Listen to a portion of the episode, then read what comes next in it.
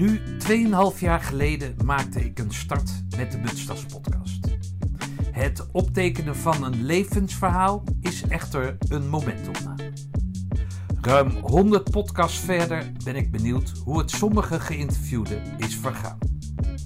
De eerste drie gepubliceerde afleveringen zijn met zoveel enthousiasme ontvangen dat ik er nog twee afleveringen aan toevoeg. In deze vijfde en voorlopig laatste aflevering van Hoe gaat het nu met? Een update opgetekend uit de mond van Di Carter, dienstplichtig sergeant slash Aussie Tom van der Linden en aansluitend doet dienstplichtig commando Paul Borst verslag van de reunie lichting 82.5, die gerust als een voorbeeld voor andere pelotons gesteld mag worden. Een oud-operator weet uit te groeien tot een tv-personality, een bestseller-auteur, een veel uitgenodigd spreker en wordt ondertussen ook nog vader van dochter Sadie. Kortom, hoe gaat het met Di Carter? heb je, dan, heb, dan heb je al 10 minuten niet genoeg, denk ik. Nou, dan moet je sneller praten. Ja, start! Oh, bij deze. blablabla. Nee, eh ja, nee, hartstikke veel. ehm ik weet het eerlijk gezegd niet eens allemaal. Het, is zoveel geweest. We zijn. eh Wij hebben En, elkaar eh, gesproken en toen zou jij de volgende dag gingen jullie naar Kamp van Koningsbrug eh, in de Ardennen met die Fips. oh ja, jeetje, Mina. Oh ja, oké. nou, dan weet ik het nog wel ongeveer wel. Ehm, ja, we hebben het seizoen opgenomen. In, volgens mij begin maart was dat. Ja. En ehm nou goed, dat is, dat is inmiddels natuurlijk uitgezonden. We, daarna eh, is mijn dochtertje geboren in april. Gefeliciteerd nog. Dankjewel. In de, in de tussentijd hadden we toch bedacht dat we nou ja, onze kansen zouden uitproberen met eh, de stad uit verhuizen. En dat, eh, dat is ook gelukt. Dus toen mijn dochtertje geboren was, nee sterker nog, toen mijn vrouw aan het bevallen was van onze dochter thuis in de huiskamer in het bevalbad, toen kregen we te horen dat we het huis hadden waar we de dag daarvoor waren bezig kijken. Oh, Met top. een, eh, ja, dat was een dubbel, eh, dubbel cadeau. maar wat ik me toen natuurlijk nog op dat moment niet helemaal realiseerde was dat, eh, dat het veel werk zou kosten. Want terwijl mijn vrouw eigenlijk nog gewoon in het kraambed zat, kwam wat meer zorg op mij te liggen voor ons zoontje natuurlijk. En de zorg voor onze dochter wat meer bij haar. Zo, zo hebben we het moeten verdelen. Maar in de tussentijd eh, ja, moest ik ook onze huisverkoop klaarmaken. Eh, nou, noem maar op, werken. En eh, ondertussen ook nog schrijven aan boek 2, omdat ik ergens in die tussentijd het, co- het contract had getekend voor boek 2. Ja. Ehm, nou goed, uiteindelijk is het gelukt om ons huis te verkopen. We zijn verhuisd de stad uit. Wat best wel een grote stad is voor, of stap is voor mensen die in Amsterdam zijn opgegroeid. Ehm, maar we wonen nu net buiten de stad, dus wel nog vlakbij. Heerlijk eh, huis met een tuin en heel veel ruimte voor de kindjes. Ehm, dus eh, uiteindelijk zijn we in augustus op mijn verjaardag verhuisd, 23 augustus. En eh, drie, nee, vier dagen later ging ik weer voor tien dagen weg om het nieuwe seizoen kamp te maken. Ja. Dat wordt nog uitgezonden dit jaar ergens volgens mij. Ik weet nog niet precies wanneer, maar zal niet al te lang meer duren. En eh, toen kwam ik thuis na tien dagen en uiteindelijk eh, was ik een weekendje thuis. Ben ik een maandje naar Curaçao geweest met de familie op vakantie om, om eh, nou ja, te genieten met elkaar, maar ook nog wat meer te schrijven. Omdat de deadline voor boek 2 naderde. Ehm, teruggekomen, nou, het werk gegaan in huis. Uiteindelijk ben ik in die periode ook nog eh, zelfstandig ondernemer geworden. Ik werkte natuurlijk bij Triangle Group, bij het bedrijf Ray Onno. Met heel veel plezier eh, gewerkt, maar eh, ja, er kwamen zoveel dingen op mijn pad dat het echt tijd werd om, om iets voor mezelf te gaan doen. En te gaan beginnen voor mezelf. Dus ehm, ja, dat ook nog gestart. in juni ergens. Ehm, dus vanaf juni ook heel veel bezig geweest met lezingen geven. In het kader van mentale kracht. En natuurlijk door het succes van Nu of Nooit en het tv-programma kwamen er steeds meer aanvragen binnen om dat te doen. En dat doe ik met heel veel plezier. Dus ik geef nu een aantal lezingen per, per week. Ehm, deze maand, het is januari nu, deze maand geef ik 12 lezingen. Wow, man. Volgens mij is dat ook, ja, veel. het is veel. Eh, soms denk ik ook wel misschien een beetje te veel, maar ja, weet je, januari is volgens mij ook een maand dat veel bedrijven willen investeren in hun personeel, eh, willen inspireren en dan, ja, dan boeken ze natuurlijk ook gewoon sprekers. Zoals ik zelf, maar ik, ik, ik zie het ook aan Ray, want we hebben natuurlijk nog veel contact met elkaar. Ray is ook super druk deze maand. Ja. Eh, het is me gelukt om eh, binnen, nou ja, nog binnen de tijd het manuscript van boek 2 in te leveren. Dat heb ik afgelopen vrijdag ingeleverd. Dus dat is wel lekker. Voelt wel als een, eh, Als een ja, bevalling. als een, als, een, als een last die er enigszins vanaf is. Nog niet helemaal, want nu begint natuurlijk het redactionele proces. Maar ehm ja, voelt wel goed om te doen. Boek 2 gaat weer over mentale kracht. Niet zozeer over de commando-verhalen, want ja, die heb ik eigenlijk al wel verteld. Maar het is een, het is een verdiepingsslag in twee belangrijke elementen van mentale kracht, naar mijn mening. Waar veel over wordt gesproken, maar waar ook veel onduidelijkheid over is. Het gaat over weerbaarheid en veerkracht. En eh, ja, wat doe ik eigenlijk in boek 2? Ik, ik beschrijf situaties vanuit mijn jeugd, vanuit mijn eigen leven, waarin ik weerbaar heb moeten zijn. En dan, dan koppel ik dat dus aan, oké, waar komt weerbaarheid vandaan? Hoe ontstaat het en hoe kun je het leren gebruiken in bepaalde situaties? Want weerbaarheid gaat voor mij over het omgaan met heftige levensgebeurtenissen terwijl ze gebeuren, in het moment. Hm. En dat is anders dan veerkracht. Veerkracht zit ook in het woord terugveren na heftige levensgebeurtenissen. En daar heb je andere ingrediënten voor nodig, andere componenten om het zo maar te noemen. En ehm, dat is dus waar boek 2 over gaat, een deep dive in die twee elementen. Oké, boek 1 heb, jij, eh, heb je veel voor gelezen. Heb je heel erg verdiept in, ook in andermans meningen. En dat verbonden aan jouw eigen ervaringen. Klinkt boek Ja. 2 als dat het meer uit jezelf komt, of niet? Ja, een stuk meer inderdaad. Ik, ik, ik ben minder. Ik, heb, ook- ik had ook minder de behoefte om eh, bepaalde dingen te koppelen aan de psychologie of uit de wetenschap. In boek 1 vond ik het wel ja, nodig en maar ook leuk om dat te doen, omdat, eh, omdat het inzichten geeft en dat, dat krijg ik nog steeds ook terug van, eh, van de lezers. Maar in dit geval, boek 2 is echt veel meer op basis van mijn eigen ervaringen en ik heb dat een beetje losgelaten. En eh, zullen er ongetwijfeld dingen zijn dat als wetenschappers of mensen die er verstand van hebben die dit lezen, die dan denken, oh ja, oké, dat, is, dat is dit of dat, weet je, uit de psychologie of misschien wel neurowetenschap. Maar ik heb dat eh, bewust een beetje achterwege gelaten en het, en het meer gehouden op mijn eigen ervaring. Oké, mooi man. hey, luister, hoeveel, eh, hoeveel boek heb je nou van het eerste boek verkocht? Ja, nu of nooit zijn nu bijna 60.000 exemplaren. Holy moly moly moly. Mooi man. Ja, dat is echt eh, bijzonder. Bijzonder veel. Ehm, ik heb vorige week eh, ook wel gesprekken gevoerd over een derde boek. Ja. Ehm, en dat is een. eh, ik wil heel graag een kinderboek gaan maken. Natuurlijk ook door mijn eigen vaderschap nu. Maar ik, ik zit. eh, ja, het ziet er goed uit, maar ik heb, ik heb ideeën voor een kinderboek voor. eh, dus mentale kracht voor kinderen. En dan gericht op kinderen uit groep 6, 7 en 8. in Mooi man. Eh, en dan dat is nog steeds bij de Prometheus eh, ding. Ja, boek 2 is inderdaad bij Prometheus. Eh, die, die komt als het goed is. Nou ja, als het allemaal. eh, volgens mij gaat het vrij rap nu.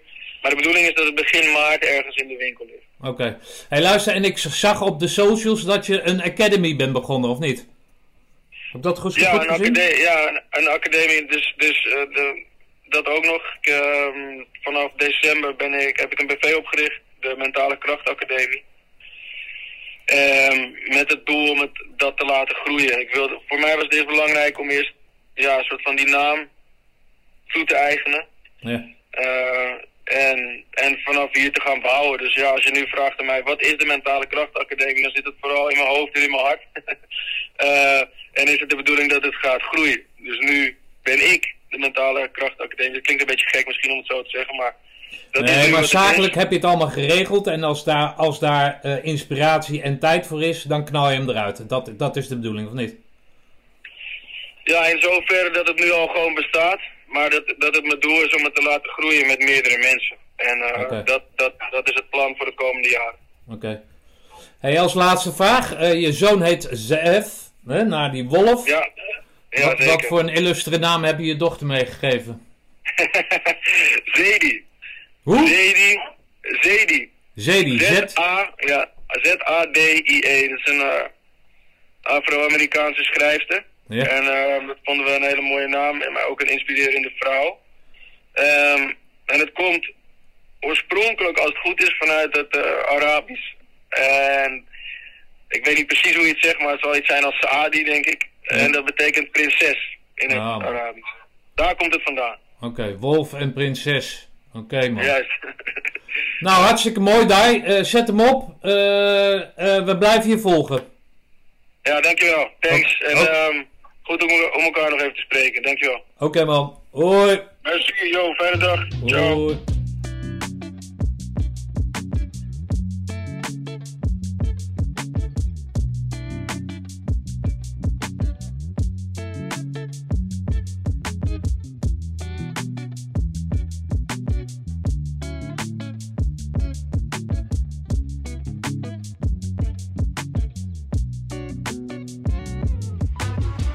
Tom van der Linden ging na zijn Roosendaalse diensttijd richting Australië. Vanuit de middle of nowhere deed hij in zijn podcast verslag van zijn avontuurlijk leven in the Lucky Country. Hoe gaat het nu met hem? En waarom was hij op 21 mei jongsleden niet in het ATEC stadion? Ik was dit jaar, wel eigenlijk vorig jaar, al van plan om eh, de reunie bij te wonen. Want eh, het was tijd. Eh, We worden er allemaal niet jonger op. En eh, anders eh, ja, wordt het, eh, steeds meer, minder, minder mensen natuurlijk op eh, de reunie. Dus ik was het wel degelijk van plan. Maar ja, ik had er dus voor gekozen om me eigenlijk niet te vaccineren. Omdat ik dacht, eh, vooral huilig van overtuigd was dat ik dat niet nodig had. En dat denk ik nog steeds. Maar ehm, eh, niet eh, gevaccineerd zijn heeft wat beperkingen. Ehm, en ook met vliegen. Toen de tijd eh, was het een beetje onduidelijk. Eh, ik moet natuurlijk een heel eind vliegen. Ik moet een overstap maken in Azië ergens of uh, Middle East. En daar zijn weer andere regels. Het, het- er was een kans dat ik misschien gewoon eh, weer teruggestuurd zou worden. Ja. Nou, die reis die, eh, die kost me eh, ja, een aantal duizend dollars. Ehm, dus daar, je had, dat- dit risico wilde ik gewoon niet lopen. Ik heb geen zin om ergens aan te komen en te zeggen van ja, nee, we willen hier niet. Dan gaan we weer terug naar huis. Eh, d- er was een kans dat dat niet zou gebeuren, maar er was ook een kans dat het wel ging gebeuren. Dus ik wilde gewoon dat risico niet lopen. Dus ja, helaas eh, heb ik het moeten missen. Eh, hopelijk eh, gaat er een wat betere te- tijd tegemoet. En is er de volgende reunie een, een optie om, eh, om over te vliegen. Nou, hartstikke goed toch? Ja, het is, Ja. ik, ik kan me voorstellen als je ergens in het oosten staat en ze weigeren, dat je dan zegt van dat risico ga ik niet nemen. Maar hoe is het jou verder verlopen Nee. tijdens die corona eigenlijk?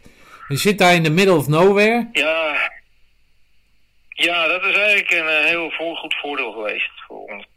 Eh, maar zeker voor mij. Jeanette is wel gevaccineerd, maar eh, ik heb eh, in het begin heel weinig gemerkt van alle eh, lockdowns en dat soort dingen. Want ik, we wonen hier op ons eigen stuk land. We hoeven alleen maar naar buiten. Jeanette heeft wel naar een baan waar ze regelmatig naar baan moet. Ik werk van hier. Ehm, ja, we moeten soms eh, boodschappen doen. Eh, en, maar voor de rest, eh, ja, er waren eh, voor ons niet, ja, niet, niet echt veel beperkingen. Er waren andere beperkingen voor mensen op het platteland dan in de stad. Eh, Oké. toen de tijd. Ja. Eh, in de stad is het erg, heel erg geweest. Het is misschien wel erger dan in Nederland geweest, de lockdowns. Ik heb een aantal vrienden die in, eh, in Sydney wonen en in, in Victoria en in Melbourne wonen. Het was daar heel erg. eh, eh, eh, maar ja, dat had ik dus gelukkig niet. Tot, tot voor kort voor kerst, laat vorig jaar. Toen werden er ook, eh, ja, toch ook voor mij eh, bepaalde beperkingen ingesteld. En ik mocht op heel veel plekken mocht ik niet meer. Dat is tot ehm, vlak voor kerst dat weer opgeheven. Want ze zagen wel in dat mensen er waarschijnlijk toch niet aan gingen houden.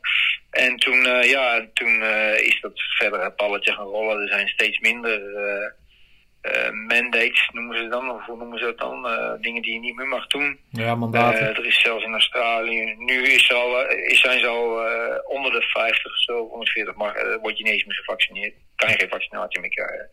Dus ze zijn eh, ook wel een beetje achtergekomen dat ze daar terug moeten komen, denk ik.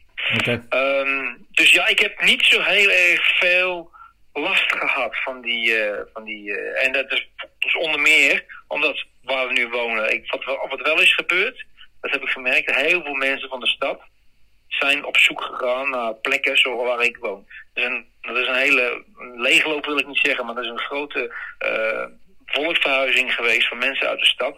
Die naar plekjes zochten van land, platteland, la- eh, stukjes, om zeggen. Ehm, wat ervoor inhield dat de prijzen behoorlijk omhoog zijn gegaan in onze regio. Ja. En inhoudt dat de plaatselijke mensen geen, niet genoeg geld meer hebben om een huis te kopen, helaas. Oké. Ehm, dus dat is eh, wel iets wat gebeurd is, ja. Nooit overwogen om jullie plekje te verkopen dan? Ehm, nee, nee, nee, ja, omdat je, omdat je er veel meer geld voor kan krijgen. Ja, je moet toch ook iets terugkopen, eh, Stefan. Dus, eh, Nee, absoluut. Ja, Nee, ik, ik ja, nee. Ehm, nee, wat ik toen al aangaf, de enige reden zijn voor gezondheidsredenen. Ehm, en ehm, ja, ik, ik, heb op dit moment wel wat gezondheidsproblemen, maar eh, ik, ik blijf, er nog even zitten hier, denk ik. Wat heb je voor gezondheidsproblemen dan? Ernstig? Nou, niet levensbedreigend, maar wel levensveranderend. Oké. Eh, ja, ik heb een, een soort auto-immuunziekte die heet ES. Ankylosing spondylitis. Dat is een andere naam voor het Nederlands, geloof ik. Brechtjes disease of zoiets. Ja. Eh, wat, me, behoor- wat een behoorlijke lange tijd heeft geduurd om dat eh, eh, te diagnoseren. Ik ben bij heel veel mensen geweest en niemand wist eigenlijk wat er aan de hand was. Maar waar had je last van dan? nu, oh, de hele dag erg veel pijn. Oké. Dag en nacht.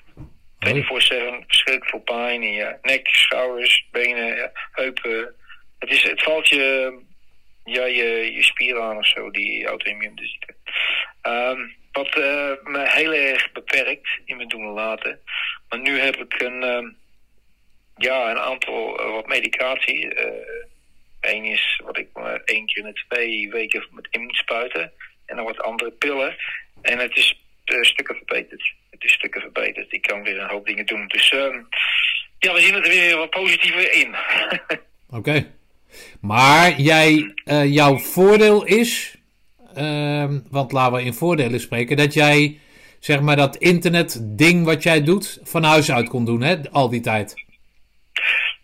ja, dat, dat was wel. Het was niet perfect. eh, want het was ook via een satelliet, maar dat was een stuk trager. En eh, het was frustrerend. Maar ik kon wel wat, wat, wat dingen doen. Maar ik had zijn beperkingen. Eh, en soms. ja, dat had, want ik, ik doe meestal werk voor mensen uit Sydney. Dat is toch het meeste werk voor IT. Eh, en dat had wat beperkingen. Nu helemaal niet meer. Ik kan gewoon eh, alles doen wat, ik, kan- wat, wat iedereen in de stad kan doen, bij wijze van spreken. Hm. Ik kan met mensen inbellen op systemen. Ik kan het, en het is, eh het werkt dan perfect. Het is echt een. eh, het is niet goed. Het is een stukje duurder dan wat je normaal internet voor moet, moet, eh, voor moet betalen. Maar ja, dat staat ook wel voor mijn business. Dat is niet zo'n probleem natuurlijk. Dus het is, ja, het is, eh, het is, ja, het is echt een, eh, een verademing, zou ik maar zeggen. Oké, ik ben je oom nog een paar keer tegengekomen, Louis. Ja, ja, hoe is het? Ik heb een tijdje niet meer met hem gesproken. Hoe is Nou het? ja, hij heeft die, eh, die NMM-mars gelopen, hè, van eh Normandië naar dat- dat eh. Roosendaal. Nou, dat Ja, is niet dat zomaar heb ik wat. gevolgd. Dat heb ik gevolgd. Ja, dus nee, dat, nee, dat... eh dat ja, een echte hij prestatie. de jongste meer, dus ik... Ja. Ja, ja. Hm. Ja, nee, het is wel een, eh een mannetjesputter, om een Nederlands woord te gebruiken. Hij, eh, zolang hij al dingen wil en blijft doen, dan blijft hij het ook doen. Dat is eh, erg knap van hem. Hey, en verder, Ja. hoe zie je het, eh, zie je het eh, tegemoet, de rest van, de, van, je, van je leven in Australië? Oh, in Australië. ja, goed. Ik ben een beetje, beetje huiverig over de toekomst, over wat er allemaal gebeurt op dit moment. Maar ja, ik, ik, we zitten, ik ben er wel van overtuigd dat waar we nu zitten, een van de betere plekken is om te zitten, wat er ook mag gaan gebeuren in de toekomst. Dus eh, wat dat betreft hebben we een goede beslissing gemaakt om hier te zitten nu.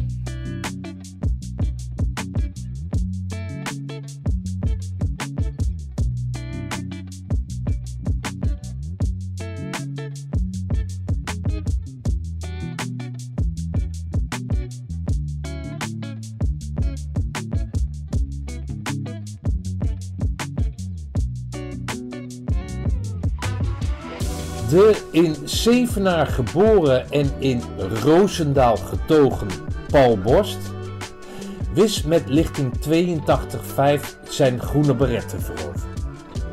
40 jaar later organiseerde hij met twee maten een, volgens mij, bijna niet te evenaren reunie. Luister en laat je inspireren. Nee, zoals je al vroeg uh, over de reunie, daar wil ik graag uh, wel even iets uh, over vertellen. dat was de reunie van onze lichting 82.5. En, en, precies 40 jaar geleden, op 3, 82.5, dat was 23 december in 82, zijn wij binnengekomen met ons peloton. Een van de grootste pelotons uh, ooit die binnengekomen waren. En dan wilden, wilden we eigenlijk op een, uh, ja, een, een, leuke manier uh, een reunie aan verbinden. En nou ja, dat, dat we daar iets, iets leuks mee gingen doen. En de ideeën waren om het eventueel ergens midden in Nederland te gaan doen. Of, of een chic hotel. De meeste mensen die hebben tegenwoordig iets meer te besteden. Maar Anderen begonnen al over eh, paintballen en, en, en, en, dat soort activiteiten. Nou ja, dat zie je ook eh, regelmatig verschijnen. Ook niet erg eh, onderscheidend lijkt me. Maar ehm, ja, ik heb het met Hardcore Feiten. En dat is uh, degene waar ik het mee uh, samen heb georganiseerd. Ronald Rol. Hebben het erover gehad. We wilden iets, iets gaan doen. Wat eigenlijk het dichtst bij kwam bij hetgeen van wat wij ooit samen ook beleefd hebben. En dat is eigenlijk toch om te kijken van terug naar het Roosendaalse. Dus daar, daar terug naar de roots, uh, waar, uh, waar het allemaal begonnen is. En vandaar dat we een heel programma hebben opgezet. En uh, dat programma, daar zijn van de ruim 62, 62 man die destijds binnen zijn gekomen hebben er toch 40 bereid gevonden om uh, deel te gaan nemen aan die reunie in Roosendaal. Um, ja, de reunie, uh, we hadden een heel programma gemaakt en we hebben dat uh, gecombineerd met een paar activiteiten. Een van die activiteiten was dat we wilden graag het nieuwe peloton 40 jaar na dato wilden we graag binnenhalen, binnenkloppen was niet eenvoudig, hè, want, je, want komt niet zomaar op de kazerne. Uh, gelukkig hebben we het voor elkaar kunnen krijgen dat we op de kazerne konden zijn. En we hebben daar het uh, nieuwe peloton uh, bestaande uit negen man. En die hebben we s ochtends binnen kunnen halen. En de avond vooraf hebben we op, op het Ossekopke zijn we verbleven. Ossekopke, dat is een klein ja, een, een, een kampeerboerderijtje uh, op een paar honderd meter eigenlijk van uh, van, van, uh, van het tentenkamp vandaan. En ja, we hebben daar, zijn we donderdagsmiddags bij elkaar gekomen. We zijn daar even met z'n allen zijn we vanuit, vanuit het Ossekopke naar, naar het tentenkamp gelopen.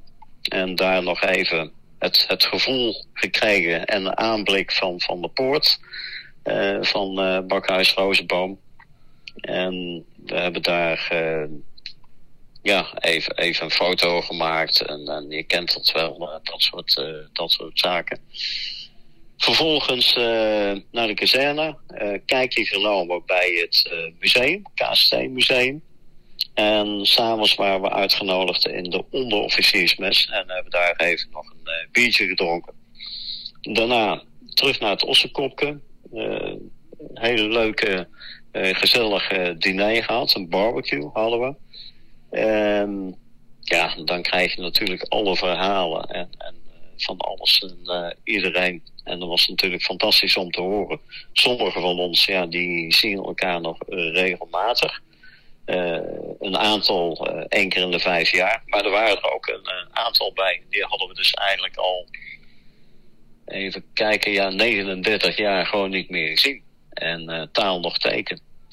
Nou, gelukkig, destijds hebben we met, voor die tijd toen we aan het voorbereiden waren, met behulp van Albert van Heiningen. Albert van Heiningen is uit een paar pelotons voor ons. Maar Albert die heeft ons geholpen met het opsporen van alle mensen. En alles en iedereen waarvan we geen adres hadden, en er waren er toch nog best wel een aantal, heb ik allemaal kunnen achterhalen. En het leuke daarvan is ook nog dat je dan ook gelijk ziet van waar iedereen op dat moment uh, weer, weer, uh, weer woonde. Vervolgens ga je bellen. Er hebben heel wat uurtjes hebben erin gezeten. En je krijgt dan ook hier en daar krijg je wat verhalen. En dat was natuurlijk heel leuk. En daar kwam jij mee later, Stefan, met dit idee. En dat hebben we dus ook graag hebben dat, dat meegenomen in het hele plan. Jij bent voor ons al die mensen gaan bellen. En je hebt een podcast ervan gemaakt. En in die podcast vertelt iedereen heel even in het kort van hoe het met hun gaat. En uh, ja, wat hun gevoel is om naar die reunie te komen. Dus voor die tijd, uh, jij had die podcast gemaakt. Wij hebben die podcast allemaal met z'n allen beluisterd. Dus toen we op, op het moment dat we ook bij elkaar kwamen, wist iedereen ongeveer wel van, van de anderen van, van hoe, wat, hoe het ging. En het gekke is dat als je daar komt, je denkt dat je niemand hè, van gezicht meer kent. En bij enkele natuurlijk, hè, dan kijk je toch wel even van wie is dat of zo. Maar alleen al de stem, dan hoor je gelijk van, oh ja, wacht even, dat is die en die. En binnen een uur, iedereen, hè, want we waren toch met ruim 40 eh, man. Uh, iedereen uh, kent elkaar weer en, en het, iedereen pakt zijn eigen rol weer op ook heel opmerkelijk. Uh, het, gaat gewoon gelijk weer als uh, destijds met uh, 82-5. Um, wat ook interessant was, en dat was het eigenlijk het eerste idee, was om uh, een van de instructeurs, we wilden graag de instructeurs erbij betrekken.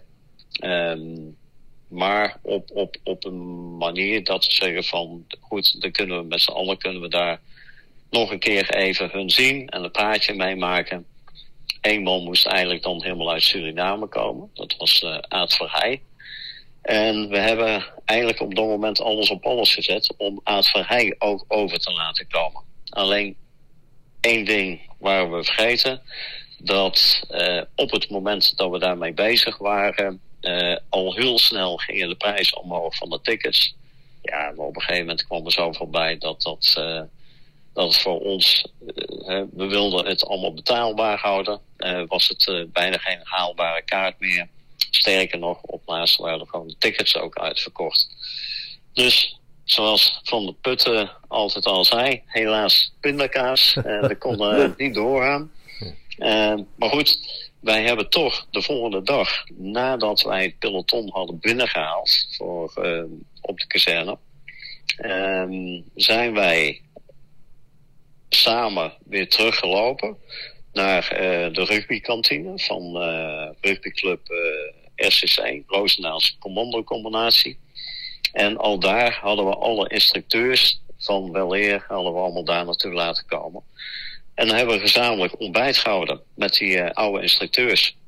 En ja, ik denk dat er toch wel een stuk of tien ik heb ze niet meer precies geteld, maar een stuk of tien dat, er, dat we gekomen waren. Zelfs sportinstructeurs waren erbij.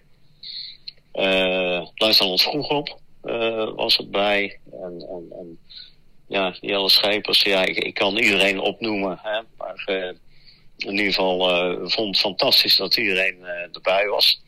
En wat leuk was, dat, dat, dat was ook hè, initiatief toch min of meer van jou, Stefan. Dus dat, nogmaals dank daarvoor.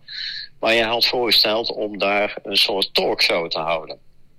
En dat was heel leuk, dat was heel grappig, want dan hoor je ook de verhalen van de instructeurs nogmaals. Kijk, na 40 jaar kunnen ze natuurlijk niet alles meer herinneren. en een hele hoop dingen waren al niet meer, konden ze ook niet meer herinneren. Ze wisten wel van dat wij een van die grotere pelotons waren.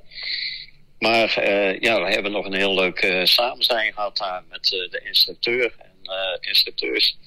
Sterke verhalen gehoord. En ja, was eigenlijk een fantastische, fantastische reunie. Hey Paul, wat, mij, wat mij opvalt aan dat verhaal hè, is Ja. Eh, allereerst eh, dat dat niet voor iedereen te doen is. Hè? Jullie, eh, jullie peloton kent een aantal beroeps die nog steeds Ja. in, eh, in dienst zijn. Daar hoef je geen namen van te Ja. noemen. Maar die hebben dat kunnen regelen, toch? Dat klopt. Ja, we hadden gewoon eh, wat mensen. Eh, ja, ik, ik heb zelf heb ik nog veel contacten natuurlijk in het Rozenaalse. Eh, Ja, jij altijd komt uit Roosendaal, hè? Ja. daar kom en, en altijd aangehouden. En daarbij vanuit ons peloton, ja, er zaten een aantal eh, beroepsmilitairen. En ja, die hebben daar ook nog dingen voor ons kunnen betekenen. Ja. Ja, dat maakt het. Hè. Ik, presenteer het alsof, alsof het inderdaad een, het is een model-reunie. maar hè, dat op de kazerne zijn, dat is echt uniek. Dat gaat niet iedereen lukken. Ja, want eh, er was in het begin ook. eh, ik heb het toen aangevraagd eh, bij, op, op de kazerne. Ze zeiden van nou, vergeet het maar. Je kunt buiten gaan klappen. En dat wordt zeer gewaardeerd. En jullie zijn meer dan welkom. Je kunt het museum een keer komen bezoeken. Ook meer dan welkom. Maar niet op de dag hè, dat, dat, dat er eh peloton binnengehaald wordt. Eh, sterker nog, eh, we hadden eigenlijk hadden we niet, niet, niet zo gek veel daar dat we konden doen. Ja. En en ja, dat, dat snappen we ook wel. Hè. De tijden zijn gewoon veranderd. Ehm, maar ja, gelukkig hebben we, hadden we een paar ingangen die ons daar ons goed bij hebben geholpen. Ja. En ja, Nou fantastisch. ja, We ik was daar ook bij. En wat ik, wat ik vooral mooi vond, is dat je dan eh, een inkijkje krijgt in hoe het nu gaat. Hè? Het appel, de manier Ja. van salueren. Ja. Of nou, het salueren dan niet, maar het marcheren. Het, eh, hoe noem je Nou, dat? Eh, dat, is, dat is misschien wel leuk om nog even te vertellen, ja. Want, want ehm, ja, vroeger wij kwamen binnen natuurlijk en er staat de meeste familieleden, kan ik me herinneren, die stonden buiten. ja. Hè, buiten bij de poort. En dan eh, kom je de kazerne op hè, en dan staan alle, alle eenheden hè, of, of, of, of pelotons, eh, die staan je op te wachten en binnen te klappen. En wat, wat me nu opviel was dat de familieleden waren ook binnen, in- binnen, binnen de poort. De genodigden dan. En ja, als je binnenkomt, ja, het is, het is fantastisch eh, hoe het nu gedaan wordt. En er loopt een, eh, een aantal eh pipers hè, van met Schotse muziek, doedelzakken, die lopen voorop. En ja, het is, het is een hele mooie, mooie happening. ja. En, Al vond ik het niet zo indrukwekkend als, als, de, als de oude tranenpoort, moet ik heel eerlijk zeggen. Ja, ja. Maar dat Het was- dat het is meer die Het is eigenlijk akoestiek wel hè, dezelfde locatie. Alleen de, de, ja, het gebouw is daar niet meer. Dus ja, dat, dat, dat is er natuurlijk eh, niet meer. Moet ik wel zeggen van, van, van eh, bij mijn eigen binnenkomst. Ik kan me er zelf niet veel van herinneren. Want toen ik pas een worstenbroodje kreeg met koffie, toen was het, kwam ik tot bezinning. Ja, maar goed, dan, dat, dat was mijn beleving. Dus het was wel leuk om eh, nu weer even van eh, dit peloton eh 40 jaar na datum mee te maken. Ja, maar, eh, oh ja, en wat mij verder opviel, wat, was eh, eh, dat jij zegt van je vervalt weer eigenlijk eh, in, die, in die oude structuur, hè? of die oude hiërarchie, om het zo maar te zeggen. Ja, Dus de, de kerel met de grote bek heeft nog steeds een kerel met de, eh, is nog steeds een kerel met de grote bek. En Ja. ongeacht zijn, eh, hoe heet dat, zijn eh, burgerlijke status, eh, eh, blijft hij blijft hij die rol vervullen. Ja, ja, ja absoluut. En, en daar hadden we eh, de eh, positieve dingen, af en toe een klein negatief dingetje toch ook nog wel bij zitten. Maar goed, dat eh, mocht de pret niet drukken. Maar eh, ja, het, het, het ging weer eigenlijk als, als van de ouds. Ehm, ja, achteraf zal ik mij ook nog even te bedenken van, van ja, ik heb dit zo, zo hè, geregeld samen met, met Hart, met eh, Ronald.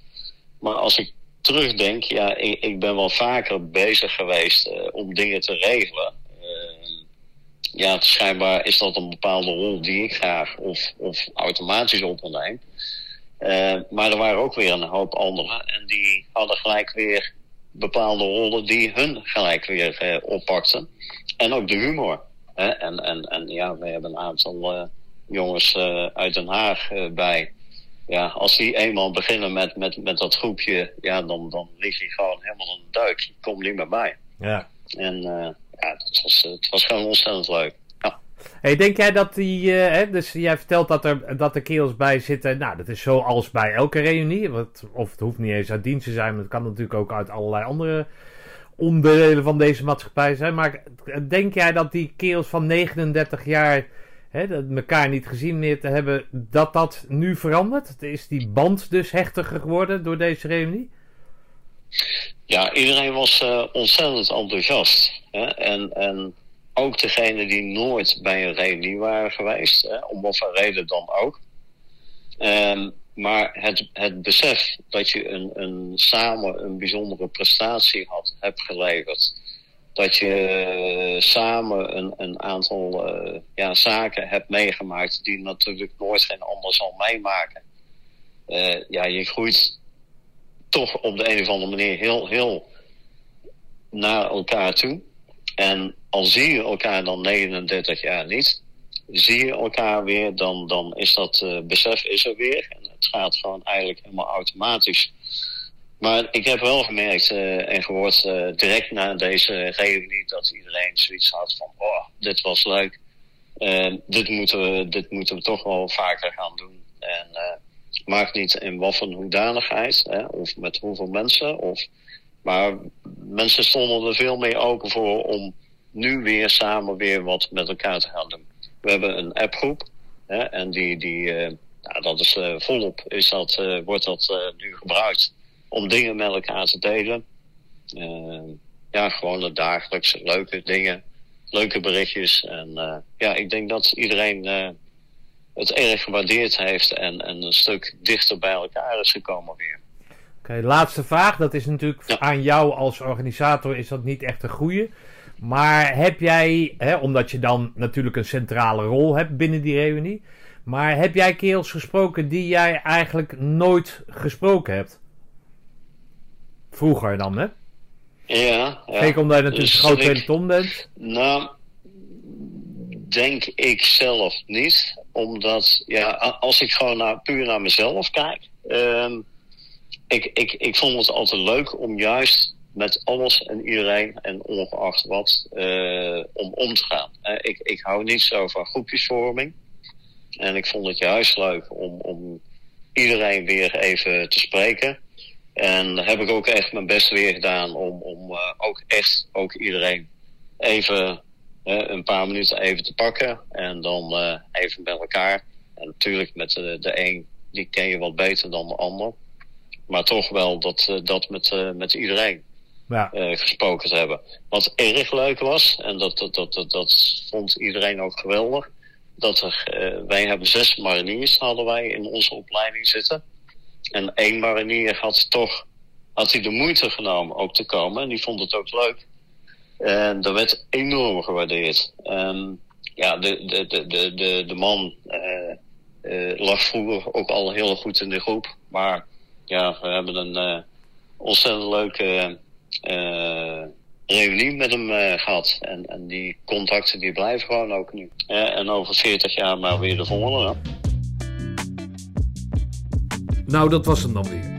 Beluister zeer zeker ook de afzonderlijke podcast die ik eerder met Dai, Tom en Paul heb mogen maken. Ben jij nou benieuwd hoe het nu specifiek gaat met één van de andere door mij reeds geïnterviewde groene baretten? Laat me dat dan weten door middel van een mail naar stefan.stichtingjouwverhaal.nl